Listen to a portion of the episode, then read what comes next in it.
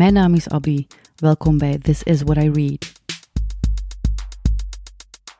Ik ben Enisa Boujdaini en uh, ik ben vooral bezig met spoken word en alles wat daar op de een of andere manier mee te maken heeft. Um, dus het kan zijn optredens in de eerste plaats, maar ook um, workshops, lezingen. Um, en sinds ongeveer een half jaar schrijf ik ook stukken voor Recto Verso. Dus dat is een beetje wat ik doe.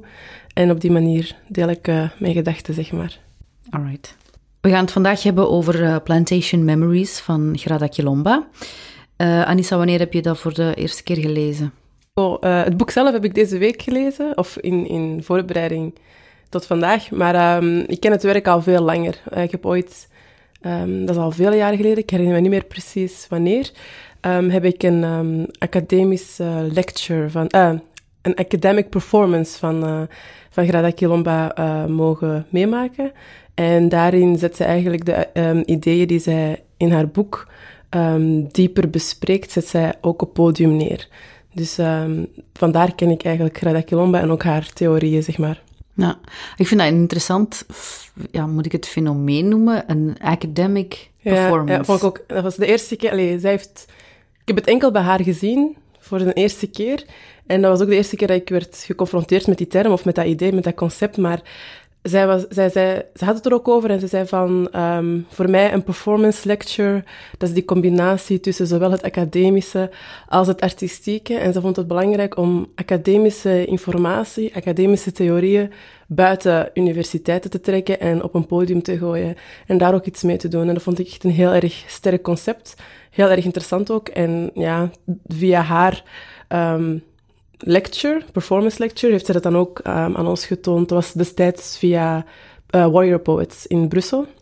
Dus uh, het collectief dat dat organiseerde, had daar dan uitgenodigd en dan konden wij zo'n performance lecture bijwonen.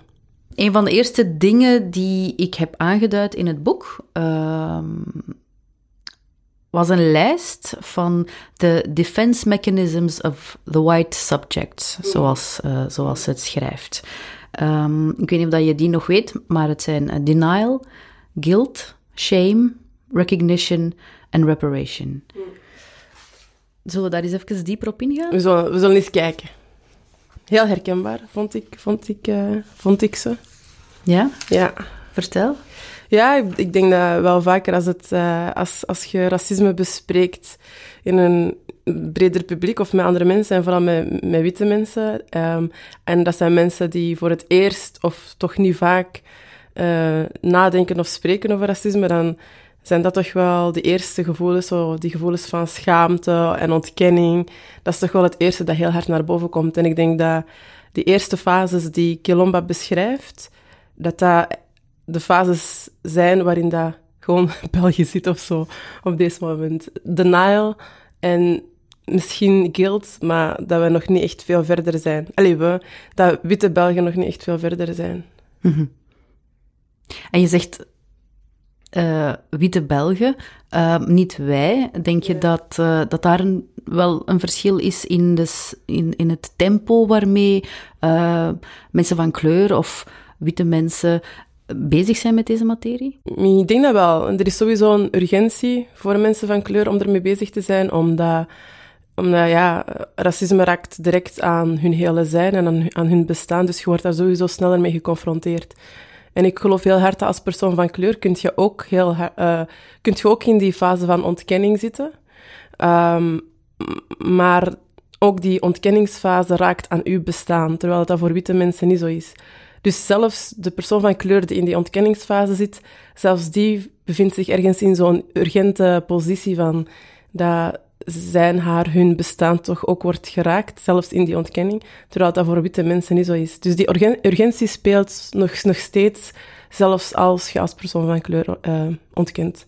Ja, dat is eigenlijk grappig. Een beetje verder in het boek heeft uh, Kilomba het over um, being on the margin, mm. in de mhm. marginaliteit, in de periferie zijn. Maar mensen, ze zegt, mensen die in de margin zijn, worden eigenlijk experten. Um, ze zegt het in het Engels, experts on critical whiteness and postcolonialism. Dus mensen van kleur die in de marge leven en met de materie bezig zijn, worden eigenlijk experten over postkolonialisme. Mhm. Sowieso een sterk idee. En ja, ik kan dat wel volgen, want ehm, dan kom ik terug op, op wat ik zeg van, dat raakt uw bestaan. Hè? Racisme, kolonialisme, koloniale gedachten raken uw bestaan. Dus je kunt, je kunt ook niet anders dan ehm, analyseren, nadenken over eens dat je door een bepaald bewustwordingsproces gaat, omdat, omdat dat ook gewoon een manier van overleven is. Mhm. Ehm, en zo, Kiloma zelf stelt bijvoorbeeld dat het, uh, dat het ook komt omdat... Uh, zij heeft het nu over black uh, women en black men. Um, omdat het omdat mensen van kleur eigenlijk worden gedwongen om de realiteit op twee manieren te zien. Zowel from the inside, mm -hmm, hè, mm van het centrum, als from the outside, vanuit de marge. En dat vind ik ook wel een heel... Uh, mm -hmm heel sterk idee. Ik vind dat dat ook terugkomt in dat idee dat, je, dat, wij, dat wij als mensen van kleur heel vaak weten hoe dat wij moeten reageren in andere groepen, bijvoorbeeld. En ik heb dat een tijd lang gehad, ik heb dat heel lang gehad, dat als ik met personen van kleur was, dan kon ik me op één manier um, gedragen. Ja. Maar als ik bij vooral witte mensen ben, dan gedraag ik mij op een andere manier of zo. En dan let ik op wat ik zeg meer. Of dan, ja. ja dan, dan zie ik wel een verandering in houding. Dus zo'n beetje dat... Ja. ja, het is ook een beetje zoals uh, in het boek ook staat. Ik heb er zoveel dingen uitgehaald, maar er staat ook uh, iets in over uh, de performance of blackness. Mm. En dat vind ik eigenlijk zelf ook, um, dat ik dat ook doe. Dat ik net wat jij hebt beschreven, um, eigenlijk heel goed weet hoe ik mij moet gedragen in verschillende groepen. En ik vind dat eigenlijk een beetje schizofreen. Ik, mm -hmm. op den duur vraag ik mezelf af, wie ben ik eigenlijk? Mm -hmm. Echt, dat is bijna een identiteitscrisis mm -hmm. uh, die ik meemaak. Ja, ik denk dat het toch voor veel... Uh, is ook niet wat double consciousness wordt genoemd, dat, ja. dat aspect. En ik denk ook in... Um, ik weet al niet, wel niet meer precies wat het was, maar um, ik herinner me mijn oom die is ook wel rond, rond deze materie bezig. Dat hij ook die sprak over een onderzoek en dat, dat, dat ging dan over hoe dat personen met, met twee culturen of met meerdere culturen inderdaad zo dat, dat schizofrene bijna, mm -hmm. bijna hadden. Um, ja, ik weet niet of ik het echt ook als, zie als schizofrenie, dat ik het zo zou benoemen. Ja. Dat weet ik nu niet, maar er is wel een, een, een ja, er is wel een meerdere, uh, ja, een, een andere houding die je inneemt. Ja, misschien kun je dat wel schizofrenie noemen. Hm. Alleen zet je, hier, zet je hier dan wel ietsjes meer bewust van, natuurlijk afhankelijk van welke fase dat je je bevindt in, je, in dat bewustwordingsproces. Maar ja. je zet er je wel ietsjes meer bewust van, omdat je ook gewoon weet uh, dat je bijvoorbeeld uh, twintig extra vragen krijgt als je je op ja. een bepaalde manier gedraagt ja. dan niet. Uh, Kilomba zelf zegt um, dat we die periferie waarin we dan zitten eigenlijk niet moeten zien als iets negatiefs, maar meer een uh, space of resistance and possibility. Uh, omdat daar heel veel van mogelijk is, omdat we van daaruit um, veel kritiek kunnen mm -hmm, uitoefenen.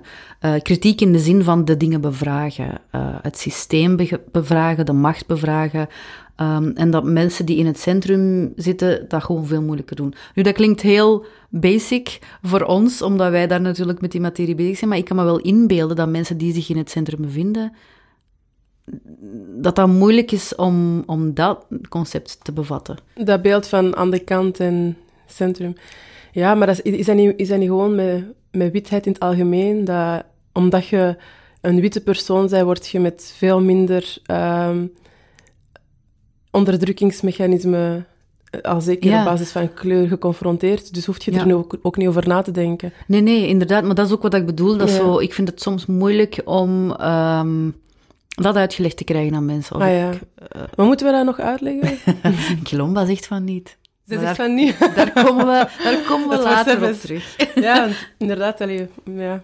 Dus, ah ja, voor later. Oké. Okay. Ja. super interessant vond ik het uh, idee over um, wat, wat uh, Grade Colomba benoemt als the false idea of universal sisterhood. Daar wil ik het heel mm -hmm. graag ook over hebben.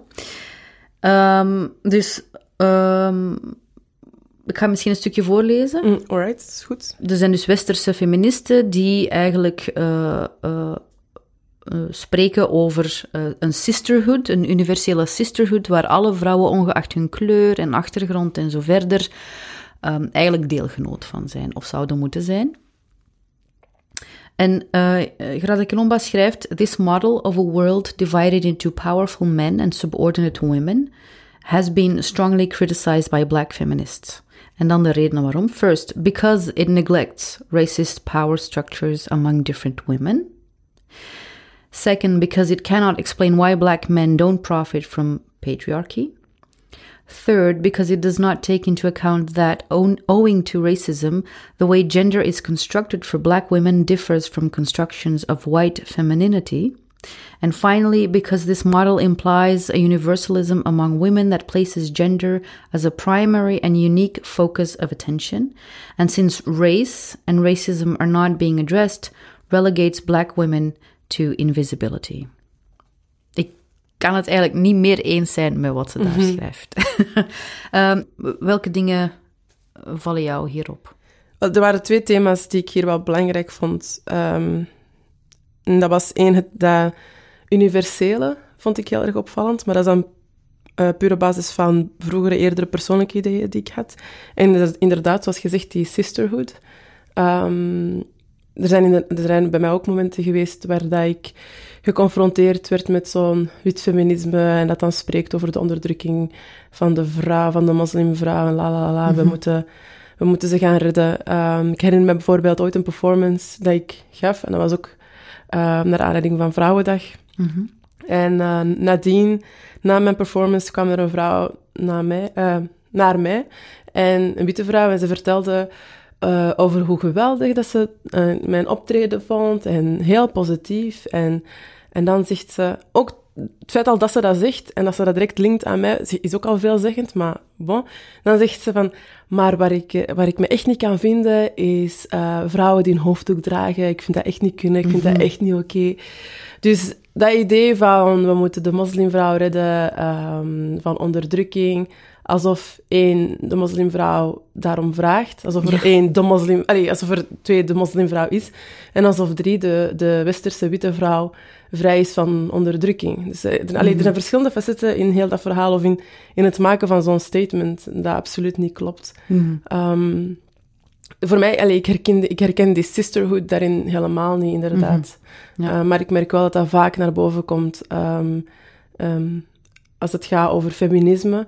Um, en, en als daar dan mensen van, vrouwen van kleur bij betrokken zijn, ja. dan moet je, bijna, moet je eigenlijk bijna meegaan in dat wit-feministisch verhaal. Mm um, om echt te kunnen spreken van sisterhood. Ja. Maar door dat te doen, ja, ontkent je een, een element van je, van, ja. van je bestaan, van je identiteit. Mm -hmm. en, en wat betreft dat universele, ja, in een grotere zin, maar dat heeft dan met meer dan enkel sisterhood te maken. Um, dat doet, me, dat doet me ook denken aan dat idee van wij zijn allemaal mensen. Ja. En er is, er is toch geen probleem. We zijn één volk. Ja, en het, ik vind dat nog moeilijker. En, en daar heb ik zelf een tijdje over moeten nadenken. Als het gaat over um, islam bijvoorbeeld. Mm. Want zoals ik dat begreep en zoals ik dat uit, uh, uitleg aan andere mensen, was ook altijd van ja, dat was een, een islam kon een gemeenschappelijke factor zijn tussen verschillende mensen, uh, verschillende ja, um, culturen. Ja. En ik, ik sprak ook heel vaak over dat universele. Maar het is pas door mij bewuster te worden van uh, machtsstructuren gebonden aan kleur, dat ik zoiets had van, ja, maar nee, dat universele zit niet in het ontkennen van dat er kleur is. Uh, je ziet dat bijvoorbeeld als een, uh, een, een, witte man of een witte vrouw um, zich bekeert tot, tot de islam. En mm -hmm. daarmee wordt er eigenlijk bijna... Um, die, die witheid wordt bijna vergeten of zo. Ja. Terwijl nee, dat speelt nog altijd een rol. En nu islamitische beleving speelt ook nog altijd een rol. Dus dat universele is, een, is ook een heel moeilijk onderwerp, of een heel gevaarlijk onderwerp. Dat klinkt als iets positiefs, dat klinkt als iets moois, maar dat is heel erg verraderlijk. En net zoals hier, um, als Colomba spreekt over universal sisterhood. Mm -hmm. Ja. ja, want het, het neemt eigenlijk, um, door te spreken over universaliteit, ontneem je heel veel groepen mensen um, een deel van hun identiteit mm -hmm, ook. Hè? Mm -hmm. uh, maar zeker ook die machtsstructuren mm -hmm. uh, en machtsrelaties. Dan ontken je dat er machtsrelaties mhm. ontstaan en zijn en bestaan. En, en uh, ook, als het gaat dan terug over sisterhood, ook tussen, tussen vrouwen van kleur onderling bijvoorbeeld. Ik, bedoel, allee, ik ben wel...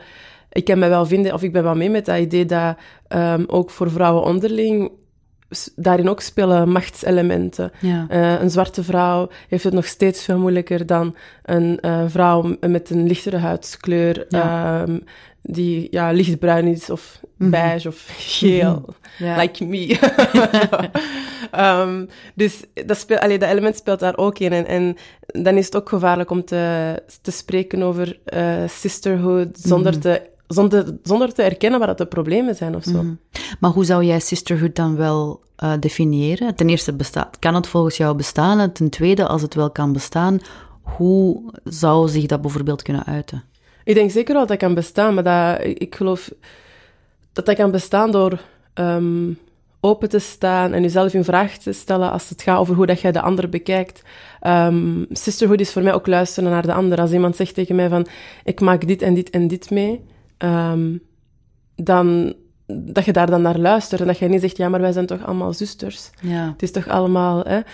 Als, als een, uh, een zwarte moslim uh, in een overwegend Marokkaanse moslimgemeenschap uh, praat over haar, ha, haar pijn en, en de vooroordelen en de discriminatie en zo die zij meemaakt binnen Mhm. de gemeenschap. In hoeverre luistert jij daarnaar als um, niet-zwarte Marokkaanse moslima bijvoorbeeld? Ja. Uh, of zijt dan, staat je dan klaar met, met ja, maar Bilal is er ook nog. En, Mm, ja. Dus er is geen racisme. Ja. Helaas zijn heel veel mensen wel dus, zo. Dus dat is voor mij zusterschap. Dan kun je wel komen tot zus- zusterschap. Als je, als je dat pijnlijke durft te, te laten bestaan en dan ook bekijkt van hoe kan ik, hoe kan ik vanuit mijn positie zo goed mogelijk de andere, de andere helpen.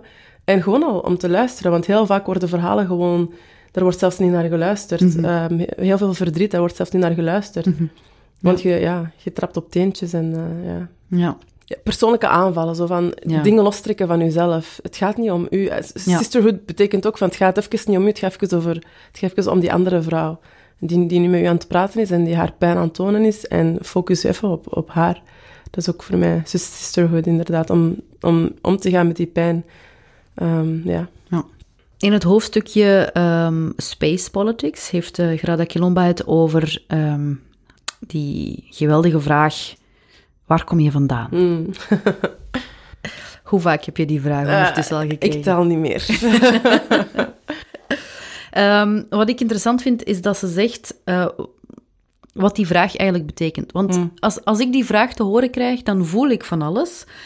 Maar het heeft lang geduurd voor ik besefte waarom ik al die dingen voelde. Mhm. Want het zou een legitieme vraag kunnen zijn. Hè? Mhm.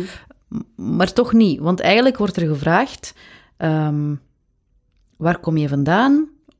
Waarom ben je hier? En wanneer ga je terug? Mhm.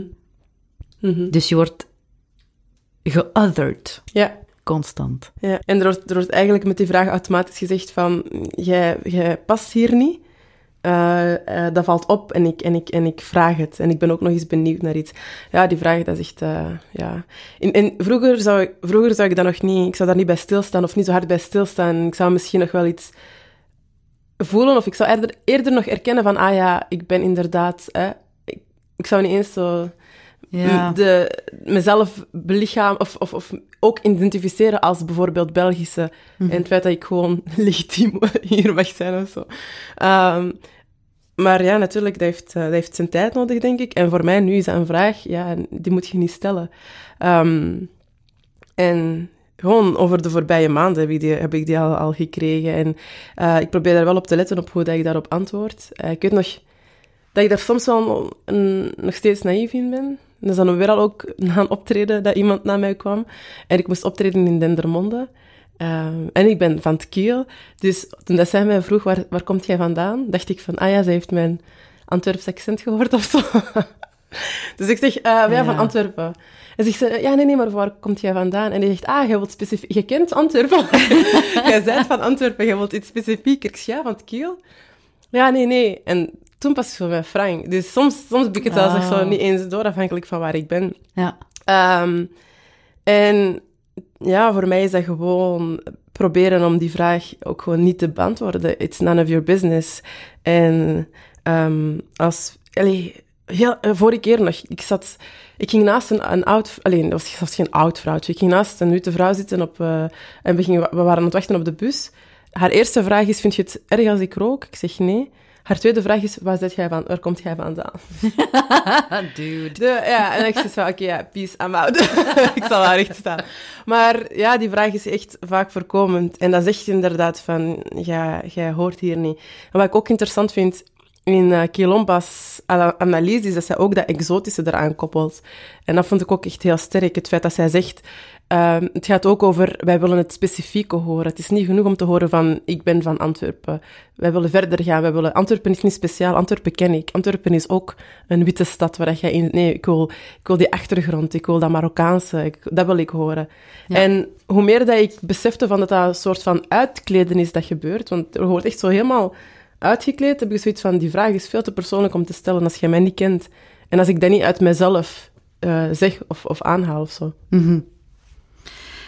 En dat, exotische, mm -hmm. dat, dat, is inderdaad iets wat ik ook... Uh, ik heb bijna heel die paragraaf uh, onderlijnd. um, ik wil die ook even, even voorlezen. Mm -hmm. Het is geschreven aan de hand van een voorbeeld, een persoonlijk verhaal van iemand, Alicia. They are not interested in hearing that Alicia is German, just like them. Rather, they want to hear a very exotic story where their colonial fantasies about the remote other are revived. Alicia is expected to provoke pleasure. Impatiently, question after question, her audience searches for paradise. What about your parents? Where are they from? They keep asking until a fabulous exotic story is told. Exotic erotic, this is what has aptly been called modern primitivism. Primitivism, in the sense that it constructs the black subject as primitive, as the one who is closer to nature, who possesses what whites have lost and what they are therefore excited by. Wauw. Mm. Echt sterk. Ja, ik vond sowieso al die link met, uh, met dat exotische um, een heel sterk punt. En, en, en dat is ook. Uh, en dat is ook iets wat, wat um, Gerada aanhaalt, of Kilomba, Gerada Kilomba aanhaalt in haar uh, performance lecture. Dus dit, dit, is een van de aspecten waarin ze ook op inzoomt. Op dat where are you from, where do you come from, en hoe dat je daar, mm. dat, dat exotische en sensationele dat daaraan verbonden is. Van, ik wil echt weten um, van waar dat jij komt, gewoon om, om, om, ja, zo helemaal uitgekleed te worden eigenlijk. Ja. En dat geen enkel antwoord genoeg is. Ik bedoel, ik kan, ik kan zeggen, ik ben van Mechelen, omdat ik daar geboren ben en maar dat is niet genoeg. Het is Marokko. Maar dat is, dat is wat ze willen horen. Ja. Want waar zijn uw ouders? Dan wordt de vraag, waar zijn uw ouders vandaan? Want ik kan, ondertussen kan ik dat spelletje wel meespelen. Hè. Kan ik al twintig dingen zeggen voordat ik antwoord op de vraag... Uh, of antwoord op wat ik weet dat ze willen vragen. Mm -hmm. um, maar dan, als ze dan ouders aanhalen, en dan is dat dat verhaal. Maar ja, het is een beetje... Dat is weer al die, die uh, power dynamics. Ik bedoel, jij bent niet op je plek hier, dus leg jezelf eens uit. Van, van waar zit jij? Ja, dat is verschrikkelijk. Want als ik de vraag krijg, um, antwoord ik daar nog steeds op. Mm, zo al een automatisme. Ja. ja. ik heb zoiets van, ja, vis er maar achter. ja. en en nu, is, nu is het eigenlijk de trick om, om zelfs niet... Zelfs het, het niet toe te laten dat er wordt gevist, maar dat je zegt van, waar zit jij? Ja. En dat je dat omdraait. Dat is ook iets wat Kilomba in, in het boek aanhaalt, is... is um, hoe dat je als the other altijd wordt bevraagd. Er worden altijd vragen over je gesteld en zo. Um, ja. En dat is ook iets, ja, dat is ook iets interessants. Dus nu is het, allee, ik denk dat dat de, de volgende stap is om te vragen van, ah, waar zit jij? Ja, nee, maar van waar zijn uw ouders? Mhm. En, en playing, playing those games of zo. Ja. En ik denk dat wij, dat wij daar veel dapperder of, of sterker of Mhm. gewoon bruter in mogen zijn door gewoon te zeggen van, eigenlijk vind ik niet dat je, Mhm. dat, allee, dat je gewoon die vraag niet mocht stellen in de eerste plaats. Maar ik heb me nu net voorgenomen, als iemand mij dat nog vraagt, wie er luistert, als je me dat vraagt, dan ga ik gewoon zeggen, waarom wil je dat weten? En dan gaan we het gesprek eens daarover hebben. Voilà, perfect. Ik ga dat ook doen. Ik ga dat opschrijven. Nice. Ergens zegt uh, uh, Grada Kilomba ook in haar boek dat niet luisteren eigenlijk een strategie is uh, van witte mensen om um, niet te moeten dealen met uh, Mm. de hele lading die erbij komt als je over je achtergrond praat. Mhm. Wat ik daarin heel sterk vond, is eigenlijk dat niet luisteren werd gezien als een element van macht weer al, of een, een manier waarop dat Ja. macht eigenlijk zichtbaar is. En ja, om, sorry, weer al te verwijzen naar haar performance lecture, zij, dat, dat bracht ze ook naar boven. En zij vroeg dan aan het publiek om onderling even tien minuten, nee, misschien tien minuten, tien seconden of zo. Nee, ze zei van, praat even onderling. Dus zei ze tegen het publiek, praat even onderling, uh, tot ik uh, stop zeg. En terwijl dat jullie aan het praten zijn, ga ik een deel van mijn, van mijn lecture verder zetten. Dus een deel van mijn performance ga ik gewoon verder doen. Dus wij deden dat en eigenlijk de, een heel, het was haar bedoeling om op een heel simpele wijze te illustreren van het maakt niet uit dat ik aan het praten ben als er niemand naar mij luistert. En dat is wat er hier nu ook gebeurt. Dus wat je te vertellen hebt als persoon van kleur maakt niet uit als de andere, niet, de andere ja, persoon niet luistert. Um, dus dat deed me heel hard daaraan ook uh, denken, die, dat machtselement dat ook aan, aan het luisteren vastzit. En dat dat ook een, een, uh, een daad van dominantie is. Naar wie wordt er wel geluisterd, naar wie niet. Dat is ook iets wat ze in het begin van haar boek aanhaalt. Dat ze het zo heeft over de, die praktijken in de, in, de, in de periode van de slavernij, waarbij um, tot slaafgemaakte mensen mm -hmm. letterlijk een mondstuk ja. um, werden vastgebonden daarmee, zodat ze niet zouden eten. Maar tegelijkertijd was dat ook een manier om hen gewoon stil te houden. Mm -hmm.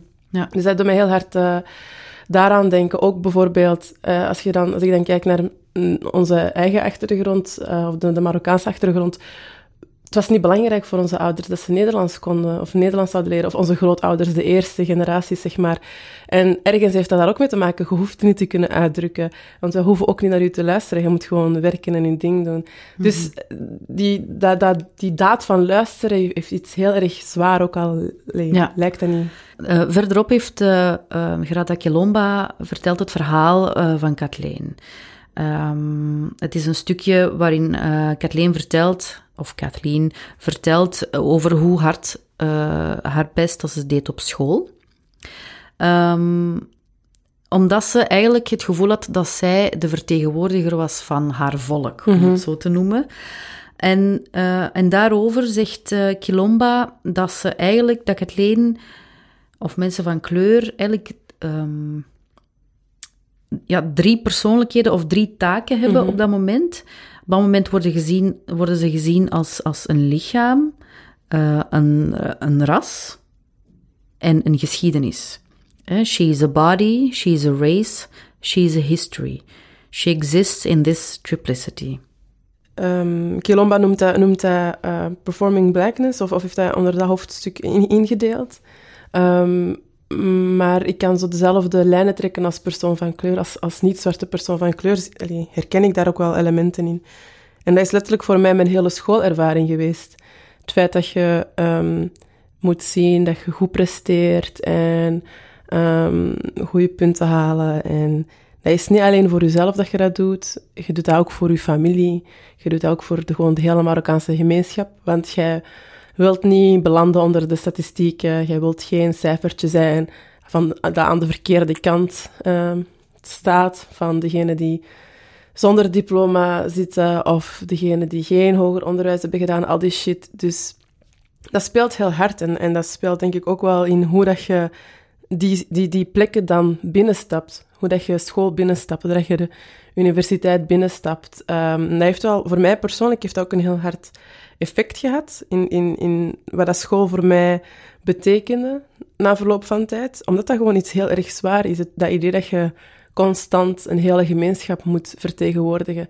En natuurlijk, uh, na, na verloop van tijd, hoe meer dat je leert over jezelf, hoe meer dat je leert over uh, politics, identiteit, over um, gewoon, ja, gemeenschappen, uh, machtsstructuren, hoe beter dat je dat kunt plaatsen, analyseren en hoe beter dat je dat kunt loslaten.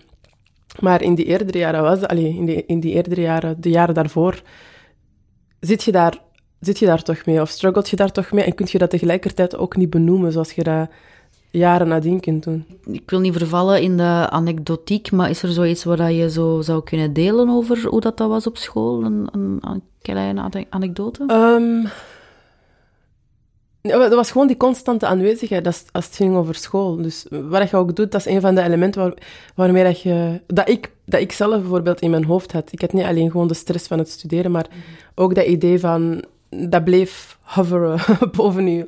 Dat idee van, ja, uh, je moet ook goed presteren, want anders zet je weer al de Marokkaan die niet goed presteert. Dat is een beetje zoals laat komen. Ja. Je moet overal op tijd komen, want anders zet je weer de Marokkaan die overal te laat komt. Dat gevoel een beetje. Weet je dat ik nu pas, sinds de laatste twee of drie jaar, het mij permitteer om te laten komen? Drie. ja, bij mij af en toe. Bij mij gaat het er vanaf. maar ik probeer het al ietsjes los, losser te laten. Bij mij speelde dat extra hard toen het minder goed ging op school. Want vroeger, uh, lager sowieso, maar middelbaar en al, mhm. was dat ook, ging dat allemaal vrij, vol, vrij vlot. En, en dat was dan minder een issue. Maar ik denk dat dat toen ook al speelde. Maar het is alleen toen het slechter ging, dat dat dan veel een, een grotere druk werd of zo. Die, die, dat gevoel van, oké, fuck, uh, I'm representing hier of zo. Ja, ja. ja. Dus het is, het is zeker herkenbaar um, wat, wat er wordt geschreven, of wat Kilomba heeft geschreven daarover. Um, en dat is gewoon, je moet het beste tonen van, van, van wie dat jij bent, omdat jij, jij moet fantastisch zijn. Uh, tegelijkertijd doet mij dat ook denken aan, aan wat er tegenwoordig gebeurt. En dat is hoe dat mensen van kleur die het goed doen, extra naar voren worden geduwd. En dat is mhm. ook iets heel erg schadelijk, want je zegt daar eigenlijk mee van... Enkel de personen van kleur die fantastisch zijn, verdienen het om gezien te worden als mens en als normaal en als goed. Terwijl, nee, ook mensen die het niet goed doen, zijn fucking mensen. Ja, inderdaad. Maar zelfs als je het goed doet, hè, dan, dan wordt er ook vaak gezegd, zoals, zoals in het boek ook verderop staat, um, ja, dat was heel goed, maar je bent zwart. Ja. Of omgekeerd, je bent wel zwart, maar, maar dat was toch wel goed. Maar het was goed. Ja, ja. Alsof je ervan uit... Ja, je gaat er eigenlijk gewoon vanuit dat dat, een, dat, dat, dat dat niet klopt. Dat jij als zwarte persoon of als persoon van kleur het sowieso niet, of niet per se goed zou doen. Of dat dat een beetje als, als een verrassing komt of zo. En dat bevestigt eigenlijk enkel dat gevoel dat je dan hebt als persoon van kleur, dat je je extra moet bewijzen. Mhm. Dat is me altijd bijgebleven. Je moet je altijd extra bewijzen. Um, Ik denk dat ook bijvoorbeeld, ja, mm, mm, ja, gewoon van thuis uit ook altijd heel erg belangrijk was van doe goed op school, doe goed op school, zodat jij... Want, want je hebt niet dezelfde kansen als iedereen, dus je moet je extra hard bewijzen. En ja, uh, dat speelt nog altijd. Dat, dat, dat, dat hangt er nog altijd, dat gevoel. Ik denk dat dat ook wel daarmee te maken heeft. Mm Ik heb zelf een dossier gestart bij Kif Kif, omdat ik wilde onderzoeken uh, welke gevolgen um, racisme had uh, op de psychologie van, van de mensen die het er, ervaarden. Mm en ik vond daar eigenlijk heel weinig van terug. Heel mhm. weinig uh, Belgisch onderzoek, Vlaams onderzoek, Nederlands onderzoek. Um, maar ik was heel blij om te ontdekken uh, in het boek um, dat uh, Grada Kilomba, die, die een achtergrond heeft in klinische psychologie, dat heel hard benoemt. Dat trauma en, en dagelijks racisme, daily racism, mm everyday racism, heel hard met elkaar gelinkt zijn. Mhm. En ze zegt dat trauma drie um, ideeën met zich meebrengt. Eén, het is een violent shock. Uh, twee, er treedt uh, separation op, uh, fragmentatie. En drie, dat het tijdloos is, timelessness. Wat Kilomba zegt is um, dat je om, om die violent shock te voelen, dat het niet zozeer iets, iets um, pijnlijk gewelddadig moet zijn, dus mm. fysiek gewelddadig mm. moet zijn, maar dat het wel vaak fysiek is. Bijvoorbeeld aan je haren komen mhm. ehm, of, of, of de huid van een zwarte persoon willen aanraken. Dat dat allemaal microagressies mhm, zijn mhm. die, die op den duur echt wel een, een, een schok uh, teweeg brengen. Ervaar je dat zelf ook op die manier? Ik, um, ik moest er wel over nadenken in de zin van, ik had het nooit zo gezien. En dan, voor, voor mij is dat op zich al veelzeggend, het feit dat we dat nooit echt, of dat je dat niet zag of bestempelde als een trauma op zich. Terwijl wanneer ik um, Kilomba aan het lezen was, um, dat het er wel mee overeenkwam. Als ze praat over die violent shock, dan haalt ze voorbeelden aan waarin dat inderdaad dingen worden gedaan, uh, waarin dat iemand haar haar wordt aangeraakt en dat, dat ze dan gewoon dat, dat als een shock ervaart. En ja, zo zijn er verschillende voorbeelden inderdaad. Allee, er zijn een aantal zaken die met mij terug naar boven kwamen, die ook te relaten zijn tot die violent shock, maar dat ik op dat moment dan inderdaad niet zo zie, of niet zo zie als traumatisch. Ja. Um, en misschien is dat veelzeggend, omdat je door dat niet te herkennen, als, niet te erkennen en te herkennen als een trauma, kun je dat dan ook niet op die manier de nodige zwaarte geven. Inderdaad. Um, ja, maar ja, er zijn er zo... Ik herinner mij een van de laatste ervaringen waarin dat ik echt uh, lichamelijk merkte dat ik veranderde en dat ik gewoon verandering bij mezelf voelde, was bijvoorbeeld toen ik um, mocht uh, jureren voor Naft voor Woord. Um, en dat was voor creatief schrijven. En we hadden al, ik had al verschillende voorrondes gedaan met twee andere juryleden. En dat waren dan witte mannen, um, um, waar ik het ook heel tof mee had. En uh, leuke, leuk, leuke groep van juryleden, met, met ons drietjes. Um, en dan in de, in de, voor de finale zou er een vierde jurylid worden uitgenodigd. En dat was Manu Moreau. Dus Manu is ook een persoon van kleur, uh, stand-up comedian. Maar uiteindelijk werd hij dan toch niet meer gevraagd of hij werd geannuleerd. En um, toen ik daar tijdens een van de laatste voorrondes, voorrondes achter vroeg, was de uitleg van, ja, ze vinden, uh, de, de, de directie vindt hem, vindt hem te veel op u lijken. En dat drong nog zo niet tot mij door toen dat werd gezegd. Dan had ik, ik was gewoon aan het luisteren. En ik was aan het denken van, hmm, what does this mean? Mm en dan dacht ik van, oh, maar um, in dat opzicht zijn de andere twee juryleden toch ook gewoon hetzelfde? En het antwoord daarop was van, ah ja, nee, want de ene is een uitgever en de andere is een journalist. En dan zat ik daar en ik zei van, ja, maar Manu is een stand-up comedian en ik ben een spoken word artiest, dus hoezo is dat wel hetzelfde? In ieder geval, ik merkte toen, hè, als ik daar naar terugkijk, en ook gewoon op dat moment zelf merkte ik dat. Ik was, ik was een hele, hele avond aan het lachen en heel chill. En vanaf dat moment was ik helemaal, helemaal gesloten. En ik voelde mezelf heel erg, eerst ja, gechoqueerd. Je zit daar zo van, heb ik geprobeerd dat te plaatsen, van heb ik dit nu mhm. echt gehoord? Is dit nu echt de uitleg die eraan wordt gegeven? Ja. En is dit nu echt aan het gebeuren? En je, je merkt ook gewoon aan je lichaam dat je verandert. Dat je, dat lachje was al snel gedaan en je wordt heel kwaad. Je voelt dat gewoon lichamelijk, die stress of zo. Um, dus dat past ook in dat verhaal, vind ik. En um, het feit dat ik dat nooit erkende of nooit kon, kon, nooit kon erkennen, herkennen als trauma, um, maakt misschien dat je dat ja, niet serieus genoeg, genoeg neemt zelf, wat je meemaakt. Ja. En dat is ook iets wat wij vaak doen. Um, vaak van, het is niet erg, ça va. is niet, het is, allez, als we iets racistisch meemaken, zo van, oké, okay, ça va, nee, we gaan er niks mee doen. We gaan geen klacht indienen, dat gaat toch niks uitmaken, dat gaat toch niet helpen. Um, ja. Maar is het vaak, uh, soms wordt daar de reden, uh, wordt dat aangehaald als reden, hè, dat, uh, dat het niet zal uitmaken of zo. Maar soms vraag ik mij af, is het niet gewoon uit angst, omdat je dat nog eens moet meemaken? Een heel de uitleg te doen. Mm -hmm. Ik heb, dat weet ik niet. Um, Heb jij ooit overwogen om klacht in te dienen tegen iemand en het niet gedaan? Mm, nee. Nee, nooit dat. Maar op zijn minst wel denk ik dat ik... Uh, maar dat is, ook, dat is ook pas de laatste jaren. Dat ik wel niet meer zwijg of zo. Ja. Ik merk wel dat ik veel sneller praat als er iets misloopt. En ik vind dat veel minder erg als mensen op de tram hun hoofd draaien omdat ze horen dat er geroezemoes is en dat er iemand ruzie aan het maken is, bijvoorbeeld. Mhm. Dus dat merk ik wel. Ik merk wel dat ik, dat ik sneller praat. Um, uh, ook als ik zie dat er andere dingen gebeuren. Um, ik klacht, ja, je, je, weet al niet waar je klacht moet gaan indienen tegenwoordig. Ja.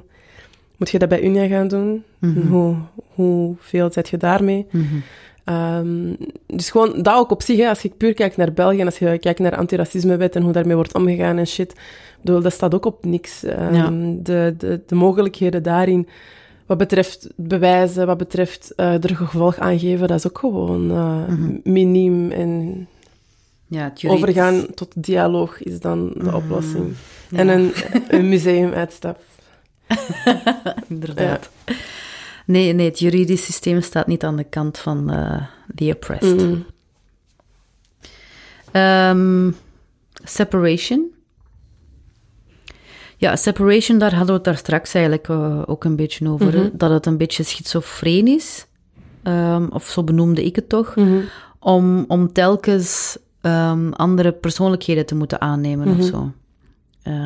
maar dat is dus blijkbaar, hoort dit ook echt wel bij die traumatische ervaring. Ja, zo, ik denk dat dat sowieso een manier is om u te begeven in de, in de witte wereld, zonder dat je constant, uh, mm -hmm. constant, constant wordt aangevallen of uh, jezelf moet verdedigen, of constant in vraag wordt gesteld.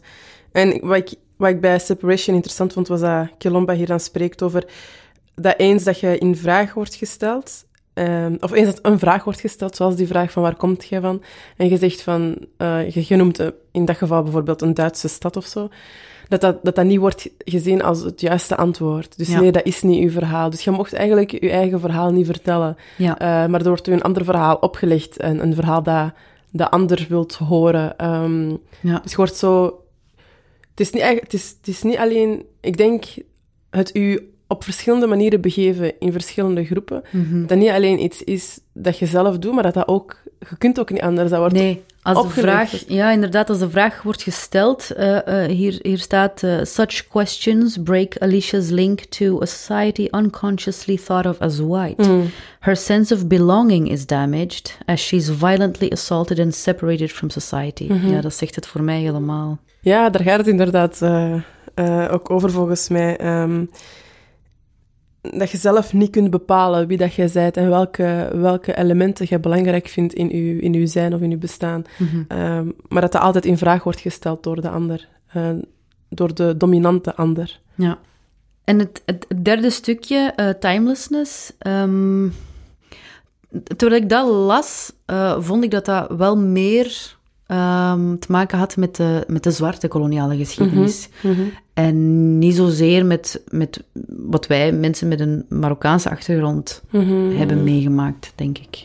Ik weet niet wat jij ervan vindt. Omdat het gaat over um, dat er altijd wordt gesproken eigenlijk in termen van het verleden. Hè? Dus, dus uh, de, de meester-slaaf-relatie wordt eigenlijk gewoon elke keer opnieuw terug um, bevestigd.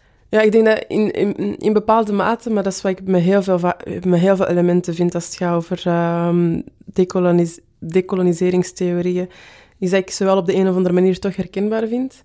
Maar um, ik denk dat we sowieso altijd moeten oppassen met, met, met gewoon um, droge vergelijkingen zonder daar nuances in te brengen. Ja. Uh, dus je kunt inderdaad twee elementen niet vergelijken. Je kunt niet de slavernijperiode vergelijken met gekoloniseerd Marokko of uh, arbeidsmigratie later in een latere fase.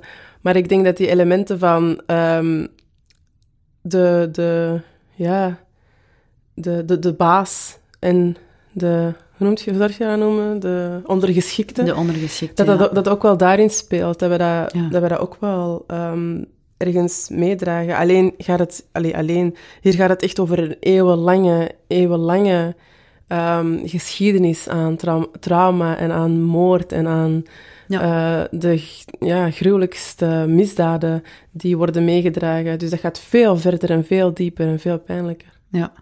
ja. Over decolonisatie uh, schrijft Kilomba um, het volgende. Um, One is looked at, spoken to, assaulted, injured, and finally imprisoned in white fantasies of what one should be like. To translate these five moments into militaristic colonial language, one is discovered, invaded, attacked, subjugated and occupied. Ik vond dat een heel straffe vergelijking. Ja, heel pijnlijk ook. Um, maar it makes sense. Allee, je leest en je denkt van ja. Ja. Ja. ja. Nu, niet iedereen die dit leest denkt ja. Andere mensen denken, mm, dat is een beetje... Extreem. Over. Ja.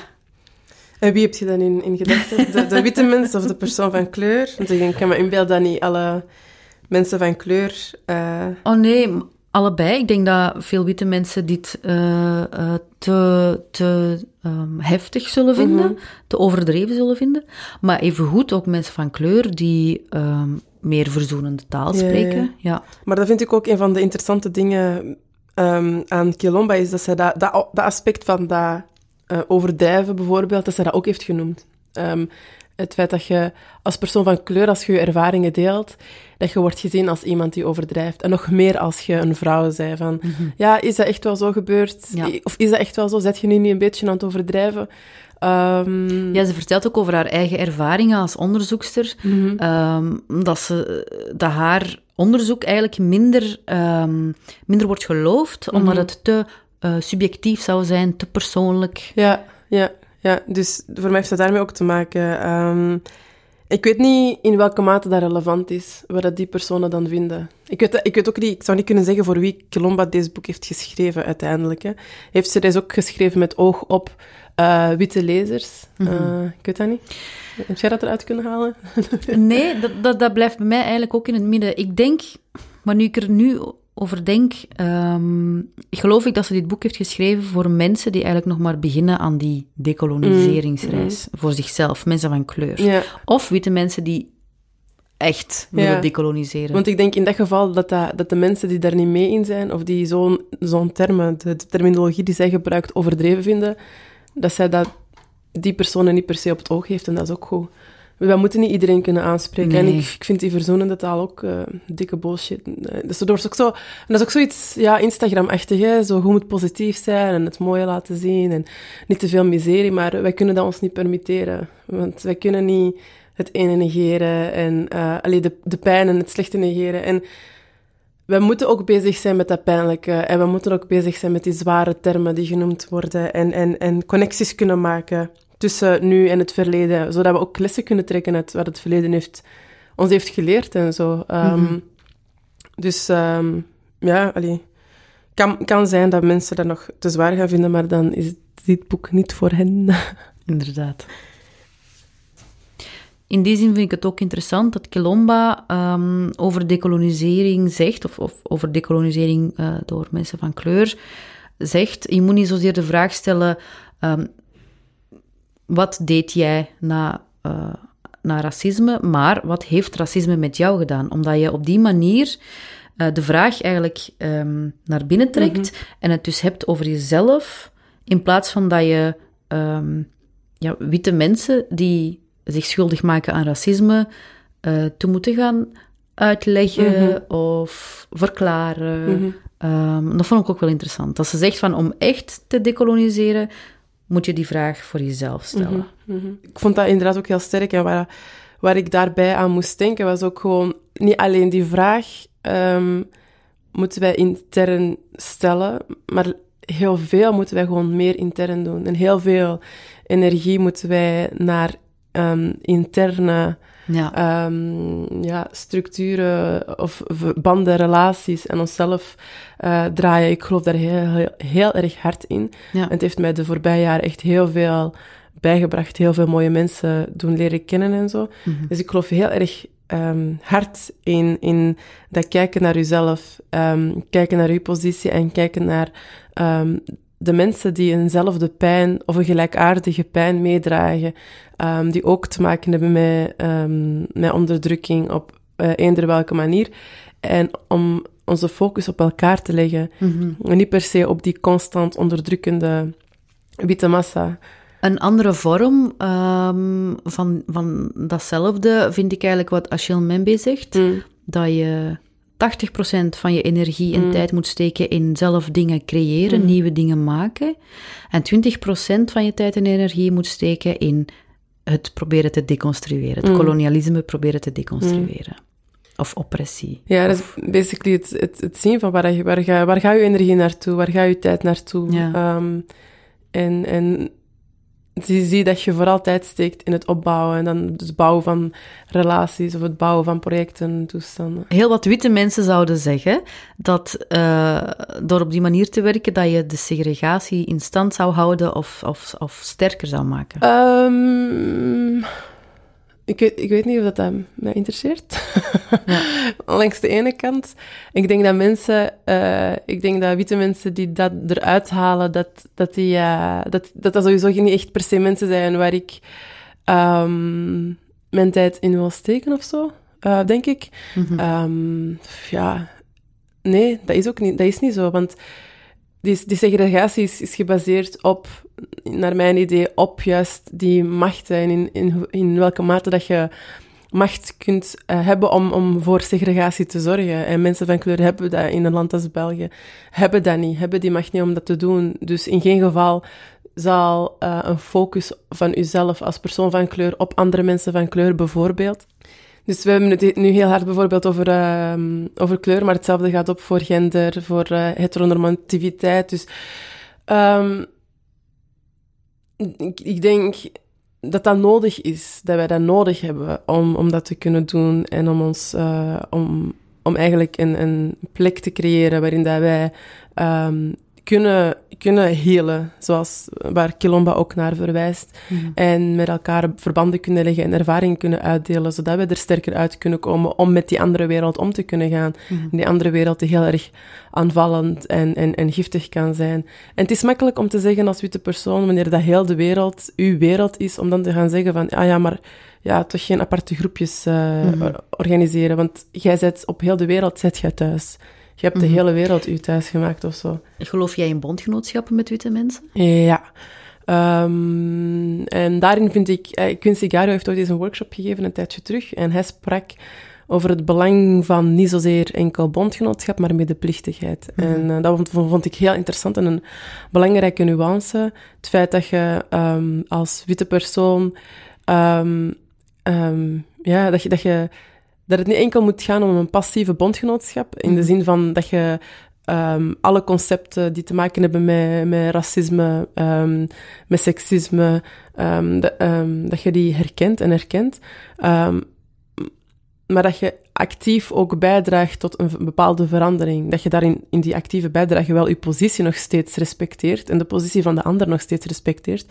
Maar dat je wel naar een soort van actievere vorm gaat. En je spreekt dan over medeplichtigheid in de zin van, zijt jij, wat zet jij bereid om op te geven? Want als persoon van kleur zet je elke dag dingen aan het, op, aan het opgeven van je eigen bestaan. En dan als witte mhm. persoon moet jij nooit iets opgeven. Mhm. Dus in welke mate zet jij bereid om dingen op te geven en echt medeplichtig te zijn? Mm U echt in een positie te plaatsen die al ietsjes meer iffy wordt voor jezelf ook. Mhm. Ehm, dus dat vond ik wel een belangrijke nuance, maar ik geloof zeker in bondgenootschap. Omdat ik ook gewoon zelf weet van, of hoop van mezelf, dat ik dat ook kan zijn naar, naar andere uh, minderheidsgroepen toe, waar dat ik niet per se um, toe behoor of zo. Uh, kwetsbaar, kwetsbaar gemaakte groepen, um, waar dat ik bijvoorbeeld um, niet per se toe, toe behoor. Ik hoop ook dat ik voor hen een bondgenoot en meer nog een medeplichtige kan zijn. Dus ja, ik geloof daar zeker wel in. Ja. Don't explain, set new boundaries. Je moet niet de hele tijd de dingen gaan uitleggen aan witte mensen die het niet willen horen, want ze willen het niet horen. Mhm. Maar maak gewoon nieuwe grenzen en bewaak die grenzen. en, mhm. binnen die grenzen uh, kan je zelf uh, als persoon van kleur decoloniseren. Mhm. Ja, die, die, nieuwe grenzen, dat link, ik, dat link ik ook heel hard aan die, um, die um, uitwisseling um, en het maken, en het maken van echt zo connecties binnen de kwetsbaar gemaakte groepen, uh, binnen alle groepen die onderdrukt worden. Um, um, dat is voor mij ook een soort van grenzen stellen, omdat je um, in die groepen dan uh, sterker kunt worden. maar los daarvan, inderdaad, het niet, het niet uitleggen, het niet jezelf constant uitleggen, is ook een heel, sterk, heel sterke tool dat ik wel probeer toe te passen in de praktijk, dat niet altijd even vlot gaat. Maar um, ik merk ook wel dat ik minder de neiging of nood heb om mezelf uit te leggen. En soms gaat dat wel al beter, al wat beter dan andere keren.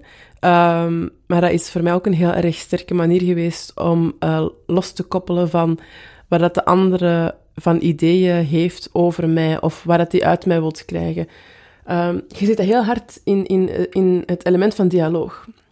Hoe dat dialoog wordt wordt misbruikt als het gaat over praten over uh, racisme. Uh, dan dan um, is het constant van, ja, we zullen eens over praten, we zullen eens over praten. Um, je zit er keihard op Facebook, mensen die in van die filosofische discussies um, verzeild geraken of ze willen voeren. Um, en dan is het zo van, nee, die persoon is niet oprecht geïnteresseerd in een, in een soort van verandering. Die wil gewoon praten en filosoferen. Maar is dat ook niet een klein beetje ook nog eens versterkt door het aspect Facebook of sociale media? Dat discussieaspect, uh, ja. dat kan ook. Maar ik denk dat dat ook gewoon in, in het algemeen is. Hè. Als het over racisme gaat, dan wordt er altijd zo kapot genuanceerd. En ja, maar was het niet dit? Dan moet jij gaan uitleggen waarom dat eigenlijk wel zo is. Waarom dat je eigenlijk vrij zeker bent dat dat wel op een racistische manier bedoeld werd. Um, dus de uitleggen, ja, ik, ik, ik, probeer er steeds meer van los te koppelen. Het lukt steeds beter, niet altijd. Maar ik heb wel al gemerkt bij de keren dat dat wel lukt, dat dat een heel sterk middel is. En dat dat ergens op een bepaalde manier wel meer kracht geeft ook. Mm Om de cirkel rond te maken, we begonnen uh, dit gesprek met uh, vijf defense mechanisms um, van witte mensen. En nu uh, somt uh, Grada Kilomba vijf ego defense mechanisms for black people op. Negation, frustration, ambivalence, identification, decolonization. Zijn dat vijf stappen die jij al hebt doorlopen? Ik weet dat niet. Ik, eh, ik moest er daarnet over nadenken of ik ze heb doorlopen. Ik weet, ik denk dat ik nooit heb gedacht dat ik geen racisme heb um, gevoeld of ondervonden. Ik heb, ik heb het gewoon nooit niet per se kunnen benoemen of bestempelen waar het was, wat ik, mee, wat ik bijvoorbeeld als jong meisje had meegemaakt. Uh, maar ik kon het gewoon eerder niet per se benoemen. Maar nooit dat idee van, ah ja, ik heb het niet meegemaakt. Mm -hmm. um, dus dat al niet. Um, frustration sowieso wel. en hoe ga je ehm, daarmee om? dat weet ik eigenlijk niet, want dat is nog altijd wel iets dat soms naar boven komt. Nu al wat minder, dankzij de vele mensen die ik heb leren kennen die uh, een gelijke strijd voeren en waarmee ik kan connecten en waarmee ik kan lachen over die frustraties. maar ja, als je, als je constant wordt als je in je dagdagelijkse leven op, op een constante wijze wordt um, tegengehouden op je pad omwille van een of andere ja, machtsonevenwicht, um, omdat jij toevallig dan een Marokkaanse zijt, uh, sowieso zorgt dat voor een, voor een bepaalde vorm van frustratie. Mm -hmm.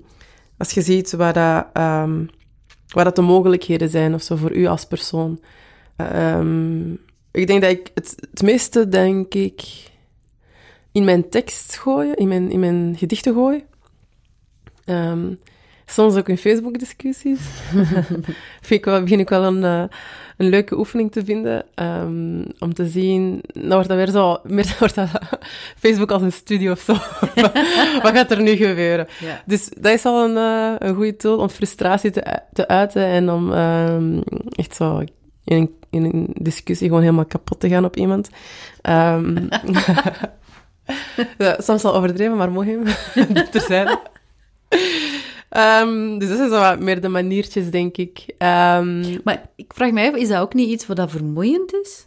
Eh, die balans opzoeken is, is gewoon het uh, jezelf leren kennen, denk ik. En bij mij mhm. gaat dat soms goed, soms niet. Maar er is een moment waarop dat heel erg satisfying is. En dat je zoiets hebt van, fuck you. En inderdaad, op een moment wordt dat, wordt dat vermoeiend. Omdat je ziet, je weet al van in het begin dat die andere persoon um, niet gediend is om te luisteren. Dat dat nooit hun objectief was of zo om te luisteren. Dus je weet al um, dat, dat het daar niet om gaat. Mm dus het is een beetje jezelf, jezelf een beetje checken van, oké, wanneer, ben ik, wanneer ben ik te veel energie erin aan het steken en, en, wanneer niet. Maar dat gaat ook zo met live gesprekken. Um, en dan is dat wel iets moeilijker om dat af te kappen. Mm -hmm. zo, social media kun je makkelijk afkappen van, oké, ik ga er ik ga er niet meer op in. Ja. En dat is moeilijker in, in real life om te doen, maar dat probeer ik ook wel te doen. Uh, ja, wel, ik... kan gewoon wegstappen, hè? Ja, op een gegeven moment. Maar ja, soms is dat van, ja, een gesprek, je wilt eigenlijk niet babbelen en die andere persoon blijft zo vragen stellen. Hoe gaat je daarmee om? Zo. Je moet gewoon zeggen, hey, ik heb echt geen tijd voor dit gesprek en dan ben je gewoon ja, weg. Je dat is voor mij al bijvoorbeeld te durven. Iets, bent niemand iets verschuldigd. Voor mij is het dus al moedig. Dus dat is al... Ik ben de internetheld. uh, maar dus dat, en... Um, ja, op die manier denk ik wel. En, en ik merk ook gewoon tegenwoordig als frustraties um, een bepaalde level reachen in, in um, gewoon uh, dagdagelijkse leven, dan, zoals ik daarnet zei, van ik, ik praat sneller, ik zal er sneller iets op zeggen. Ja. Um, maar dan, dan is het echt al een vijandige situatie uh, ja. dat, ik, dat ik dan voel en dan zal ik mijn mond wel open doen, hoop ja. ik. En ik hoop dat dat zo blijft en dat ik nog meer mijn bekjes ga opentrekken. uh, ambivalentie van gevoelens.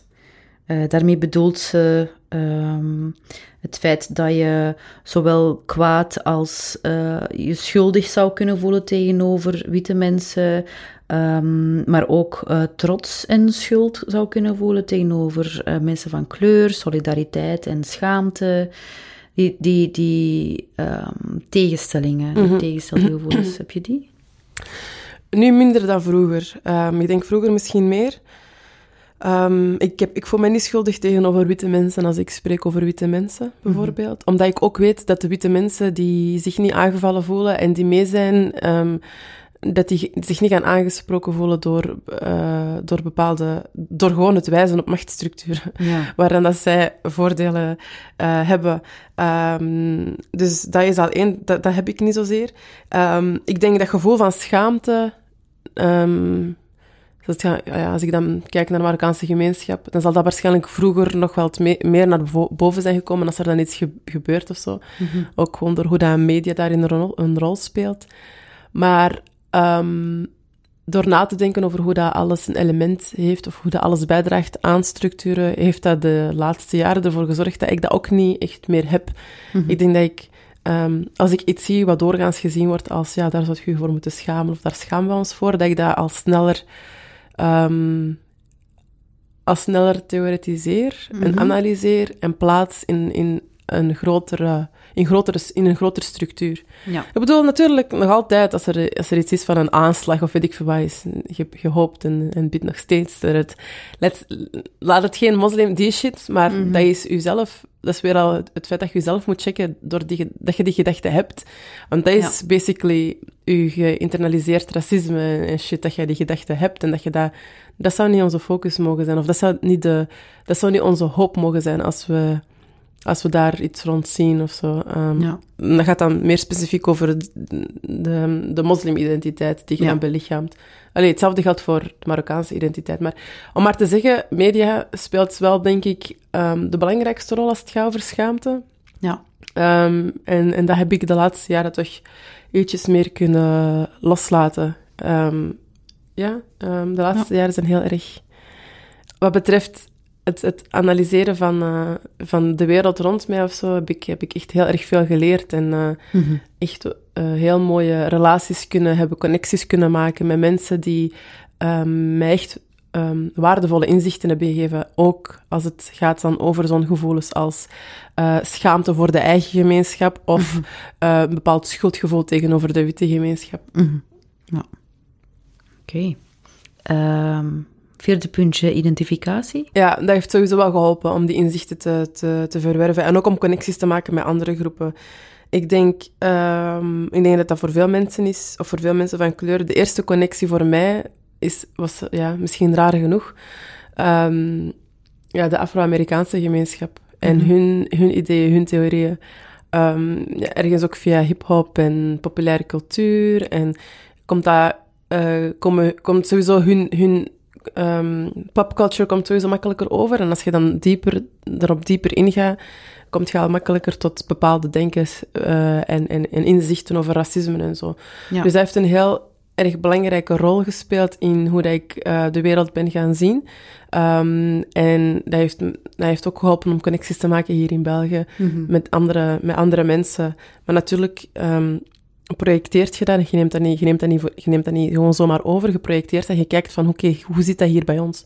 Ja. Hoe zit dat in Europa? En dan zijn er bepaalde termen, uh, terminologieën uh, of bepaalde gevoelens die je herkent, uh, heel veel gelijkenissen die je kunt maken.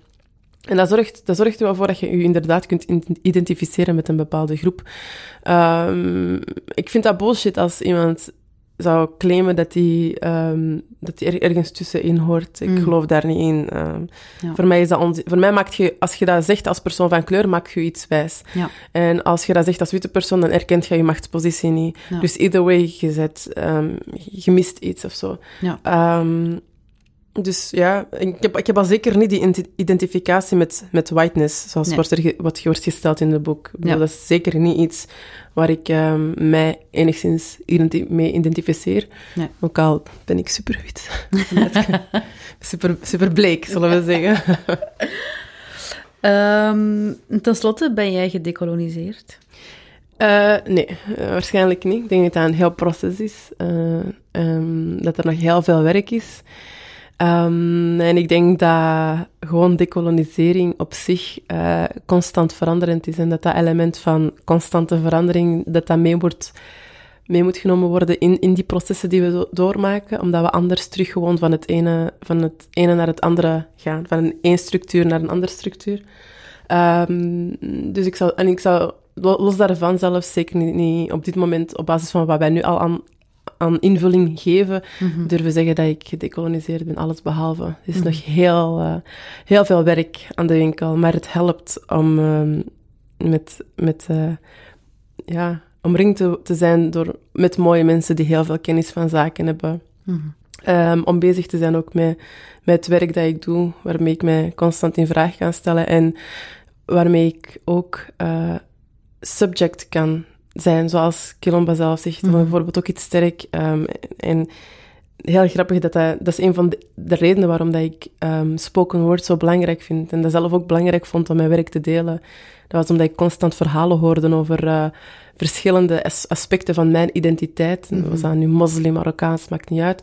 En dat daar constant werd over gepraat en gediscussieerd en gedebatteerd, maar dat ik nooit mijn verhaal daarin terugzag of zo. Ja. Dus de noodzaak om zelf mijn stem te laten horen werd heel erg, heel erg belangrijk. Ja. Um, en die, ja, het, het zelf subject zijn, um, waar dat Kilomba mee begint en waar zij vaak naar verwijst, dat is iets heel belangrijk geworden. Dus ik hoop dat ik daarop verder kan bouwen in mijn eigen decolonisering. Maar ja, er is zeker nog uh, veel werk aan de winkel. Moet ik netjes praten? Ik mag zeker geen temption zeggen. dat mag. Ik ga het okay, cool. van achter steken als bloopers.